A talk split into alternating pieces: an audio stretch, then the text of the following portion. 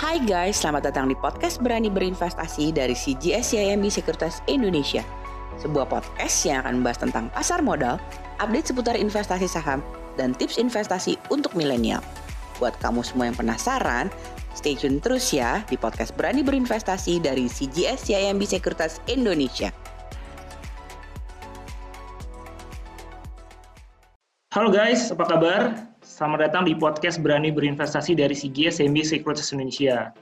Kali ini saya, Aditya Perdana, selaku Retail Research Analyst dari CGS CMB Securities Indonesia, dan ditemani oleh teman satu tim saya, yakni Vanessa Herman. Halo Van. Halo, Hai Dit. Hai. Kita akan berbincang-bincang seru nih guys, tentang pembicaraan menarik di market saat ini, yakni tentang topik terhangat, dilema akan dibukanya kembali perekonomian Indonesia. So Van, jadi memang uh, kita juga dengar ya di luar sana pemerintah sudah mulai akan melonggarkan uh, PSBB ya, khususnya hmm. di DKI. Juga nanti kemungkinan di beberapa pekan ke depan dan di wilayah di luar DKI. Kali ini memang hmm. salah satunya dilakukan untuk bisa uh, menggerakkan aktivitas ekonomi yang sebelumnya agak sedikit terhambat. So, jadi bagaimana ke depannya dan apakah dampaknya terhadap saham-saham uh, yang akan kita lihat? Nah, tentunya di sini kita akan coba mulai di awal ya. Jadi saya punya pertanyaan nih Van. Yang pertama adalah untuk antisipasi penyebaran COVID, nah, pemerintah telah terapkan PSBB di Jakarta mulai 10 April sampai dengan 22 Mei. Dan bukan hanya di Jakarta, tapi juga di daerah beberapa daerah lainnya di luar Jakarta. Dan berdasarkan estimasi pemerintah, beberapa wilayah sudah melewati peaknya nih. Namun jika ini benar, maka ini akan lebih baik sebenarnya dari base case skenario forecast dari peaking case di minggu ketiga Mei. Yang jadi pertanyaan adalah tentunya bagaimana dampaknya ke ekonomi Van? Nah untuk dampak ke ekonomi ini memang terasa secara langsung nih Dit karena yeah, yeah. adanya disrupsi dari demand dan juga supply sekaligus. Nah, sehingga GDP forecast di tahun ini itu memang diprediksi akan turun mendekati nol dan juga untuk nominal GDP diekspektasi belum akan kembali ke masa tahun sekitar 2019 itu iya. hingga yeah. di tahun 2022. Nah, walaupun memang dengan uh, most optimistic recovery itu terjadi di tahun 2021 ya atau tahun depan. Nah, growth forecast ini itu sangat sensitif dengan kapan ekonomi kembali dibuka. Memang uh, yeah. kapan ekonomi ini kembali berjalan sangat mempengaruhi ke growth forecast nantinya. Nah, kalau misalkan ekonomi mulai dibuka pada 1 Juni, maka CGS CIMB memproyeksikan GDP growth itu akan berkisar 0% di tahun ini. Dan jika dibukanya di awal Juli, maka GDP itu akan menjadi sekitar minus 1,7 persen di tahun ini. Iya, jadi itu ya guys semakin cepat Evan bakal semakin bagus sebenarnya untuk ekonomi kita ya. Jadi memang worst case-nya mm-hmm. pastinya akan lebih less dan uh, dibandingin dengan uh, forecast-nya. Yang menjadi mm-hmm. pertanyaan pastinya dengan beberapa bumi uh, dan kemudian juga uh, apa efek yang ditimbulkan dan juga uh, forecast yang jelek ini, langkah apa sih yang sudah dilakukan pemerintah untuk mengatasi dampak corona ini? Nah, uh, ada banyak stimulus nih yang sudah dikeluarkan oleh pemerintah sejak tanggal 1 April 2020. Yang salah satunya adalah dengan dengan memperbesar budget defisit di atas 3% untuk tahun 2020 sampai dengan 2022. Yes. Dan nanti ini baru akan dikembalikan lagi ke sekitar 3% itu di tahun 2023. Nah, selain itu juga pemerintah tetap mempertahankan debt to GDP tidak lebih dari 60%. Nah, di mana saat ini itu hanya berkisar sekitar 30%. Nah, kemudian selain itu pemerintah pemerintah juga mengeluarkan pandemic bond, kemudian juga sudah cut corporate income tax dari 25% ke 22% di tahun 2020 sampai dengan 2021 dan ke 20% pada tahun 2022 dan seterusnya. Nah, tapi juga akan ada tambahan tiga untuk perusahaan-perusahaan yang listing di Bursa Efek dan memiliki free float di atas 40%. Nah, Selain itu, pemerintah juga telah mengeluarkan paket stimulus sebesar 405 triliun, di mana 75 triliun itu untuk healthcare spending, kemudian 110 triliun untuk bantuan sosial, kemudian 70,1 triliun untuk tax insentif dan kredit, dan juga sekitar 150 triliun itu untuk economic recovery program. Nah, dalam hal ini adalah untuk uh, restrukturisasi kredit. Kalau misalkan kita lihat uh, stimulus yang dikeluarkan ini itu setara dengan 2,5 persen GDP. Nah, di mana dibandingkan dengan negara ASEAN 5 itu masih lebih rendah, di mana uh, kalau kita lihat di ASEAN 5 itu berkisar sekitar 12 sampai dengan 17 persen GDP. Ya, teman-teman tadi Fani udah menjelaskan secara detail nih. Jadi memang pemerintah nggak tinggal diam aja nih untuk mengatasi dampak dari corona ini. Terlihat tadi Fani sudah menjelaskan beberapa data yang detail mengenai angka-angka yang dilakukan pemerintah. Jadi di sini kesimpulannya adalah pemerintah ini menambah utang nih, tapi tujuannya adalah untuk kesinambungan dan sustainability ekonomi di jangka pendek. Tentunya untuk bisa uh, mengurai uh, dampak dari coronavirus ini. Gitu. Jadi penambahan utang ini sebenarnya tujuannya cukup uh, positif ya dilakukan oleh pemerintah. So kalau tadi Fani udah bilang ya Fan uh, mengenai ada ada peluang untuk pelebaran budget defisit. Jadi kira-kira prediksi budget defisit 2020 dari pemerintah berapa besar, Pak? Untuk pemerintah Indonesia sendiri, ini memang memprediksikan uh, budget defisit 2020 itu bisa mencapai 5,07 persen. Karena okay. memang pendapatan teks itu akan di bawah ekspektasi. Dan bahkan uh, yang berita terbaru adalah memang uh, pemerintah akan berusaha untuk menaikkan lagi sellingnya ini jadi ke sekitar sekitar 6% gitu ya. Tapi ini masih uh, baru akan diajukan. Nah, kemudian dari uh, CIMB Research Team sendiri, ini memproyeksikan memang defisit itu akan kurang lebih ke sekitar 6% to GDP di tahun 2020. Dan juga debt itu akan uh, naik ke sekitar 38 sampai dengan 39% of GDP di tahun 2020 sampai dengan 2021. Oke. Okay. Jadi itu teman-teman dari uh, sisi makronya ya penjelasan Fani cukup detail juga. Nah, kemudian kita coba masuk untuk ke bagian lebih spesifik yaitu equity nih. Jadi teman-teman pasti sudah mengerti bahwa memang dampak yang ditimbulkan dari adanya coronavirus ini membuat bisnis menjadi terhambat dan tentunya earning kemungkinan besar akan terdampak oleh pandemi ini. Itu sudah sudah pasti ya, Van ya.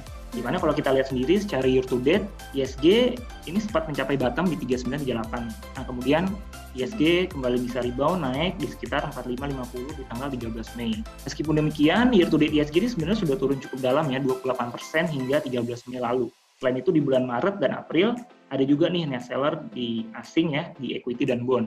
Nah kira-kira kalau kita lihat terkait terhadap penurunan ISG yang memang masih cukup dalam secara year to fund dan juga asing yang masih terus jualan di equity dan bond nih kira-kira bagaimana kita melihat potensi ke depannya Van? Memang uh, dari segi earnings itu pasti akan terdampak. Nah untuk itu mungkin kita bisa lebih stay defensive yaitu dengan melihat perusahaan-perusahaan mana sih yang punya positif growth outlook karena uh, beberapa perusahaan itu diuntungkan dengan kondisi yang saat ini. Kemudian kita juga bisa melihat uh, mana sih perusahaan yang memiliki market cap yang besar dengan growth yang konsisten dan juga punya track record dividen yang cukup oke. Okay. Nah, dan juga kita bisa melihat perusahaan-perusahaan mana yang memiliki tangible asset tapi sudah sangat terdiskon. Nah, karena dalam keadaan normal ke depannya, perusahaan-perusahaan ini pasti akan bisa memiliki gain yang cukup oke. Ya, jadi teman-teman sampai dengan sejauh ini teman-teman sudah bisa ya melihat bahwa di antara beberapa uh, dampak dan faktor yang diakibatkan oleh coronavirus dan itu bisa membuat uh, sisi makro dari ekonomi suatu negara itu terdampak kemudian secara mikro spesifik perusahaan juga terdampak. Namun Fani sudah mengungkapkan juga nih bahwa kita harus melihat ada beberapa peluang di dalamnya. Itu sudah Fani jelaskan, sudah Fani mention juga. Itu yang bisa menjadi panduan teman-teman sampai dengan sejauh ini. Jadi memang teman-teman bisa melihat ada suatu peluang investasi yang cukup bagus di suatu perusahaan berdasarkan beberapa faktor yang sudah Fani jelaskan sebelumnya. Oke. Nah, Van, sekarang kita mulai masuk ke pilihan saham-sahamnya nih tadi karena Fanny udah bilang mengenai uh, track ide dan itu cukup menarik sekali untuk kita coba uh, bahas. Ada nggak Van uh, pilihan-pilihan sahamnya Van? Ada indeed. Jadi kalau dalam screening CGSCMB itu ada beberapa perusahaan yang memiliki positive growth di tahun 2020. Di antaranya adalah saham ICBP, kemudian ada Indofood, ada Kalbe Pharma, yep. kemudian ada Mayora, kemudian ada Telkom, Unilever, dan juga Excel. Nah, di mana kalau misalkan kita lihat ini semuanya masuk ke dalam uh, kategori yang defensif, yaitu uh, saham-saham yang memang akan lebih stabil dari segi demand di saat kondisi seperti ini. Uh, dan contohnya kita ambil adalah defensif tuh seperti consumer dan hmm. telekomunikasi gitu. seperti yang memang uh, sudah kita bahas nih di kelas-kelas investasi kita betul, ya. Betul, betul, betul. Gitu. Nah, Kemudian kalau misalkan kita lihat nih dari uh, saham blue chip mana sih yang memiliki attractive dividend adjusted PEG valuation. Nah, definisinya adalah current adjusted PE dibagi dengan sum of hmm. forward three years earnings CAGR dari current dividend yield. Nah, yang dipilih adalah yang memiliki dividend adjusted PEG below uh, historical mean dan juga dividen adjusted tax di bawah satu yang mengindikasikan saham-saham tersebut itu sudah murah atau under value ya. Yes. Nah, sahamnya adalah BBRI, kemudian ada okay. Telkom, ada Bank Mandiri, kemudian ada Gudang Garam, dan juga Astra. Nah, sedangkan yang sudah sangat terdiskon dari MIN adalah saham BBCA, kemudian ada KLBF atau KLB Pharma dan juga ada Unilever. Gitu. Nah, terakhir kita bahas dari uh, segi perusahaan yang terdiskon oleh tangible asset replacement values. Nah, kalau kita lihat nih untuk Pegas dan Jasa Marga itu kita bisa lihat dari EV per kilometer. Kemudian untuk SMGR dan juga INTP itu kita lihat dari EV per ton dan juga untuk hmm? saham Pewon itu dari NAV per share gitu. Okay. Nah, diskon to replacement untuk Pegas itu uh, paling besar yaitu sebesar minus 78,7 persen to replacement cost. Kemudian untuk saham Pewon itu minus 66,1 persen to replacement cost. Untuk INTP itu minus 58,3 persen to replacement cost. Untuk jasa marga sebesar minus 58% to replacement cost. Dan hmm. untuk SMGR minus 53,9% to replacement cost. Nah, dari semua stok yang sudah kita sebutkan di atas, yep. itu kita cari mana sih yang memiliki perfect entry level. Dan itu kita temukan saham-sahamnya adalah pertama BBRI atau Bank Rakyat Indonesia, Kemudian yang kedua ada Astra International atau ASI. Kemudian ada United Tractor atau UMTR. Dan juga yang terakhir adalah saham Pegas, perusahaan gas negara. Oke, Van. Jadi memang uh, penentuan dari saham-saham pilihan ini tidaklah mudah, teman-teman ya.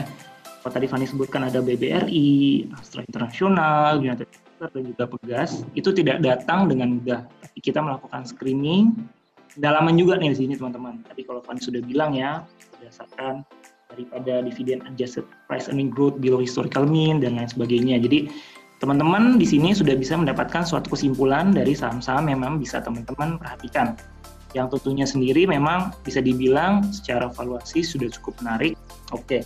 So Van, thank you banget nih Van buat uh, sharingnya Van. Dan Sama-sama buat kalian teman-teman semua, sampai jumpa di uh, podcast berani berinvestasi berinvestasi selanjutnya ya. Jadi ja, kalian juga harus terus uh, terus termotivasi, terus semangat untuk melakukan investasi di saham supaya kalian semakin berani untuk mulai berinvestasi dan yang sudah berinvestasi makin agresif untuk berinvestasi. Karena kalau nggak dimulai dari sekarang, terus kalian mau mulai investasinya kapan? Oke, sampai jumpa teman-teman di uh, podcast berani berinvestasi lainnya. Bye.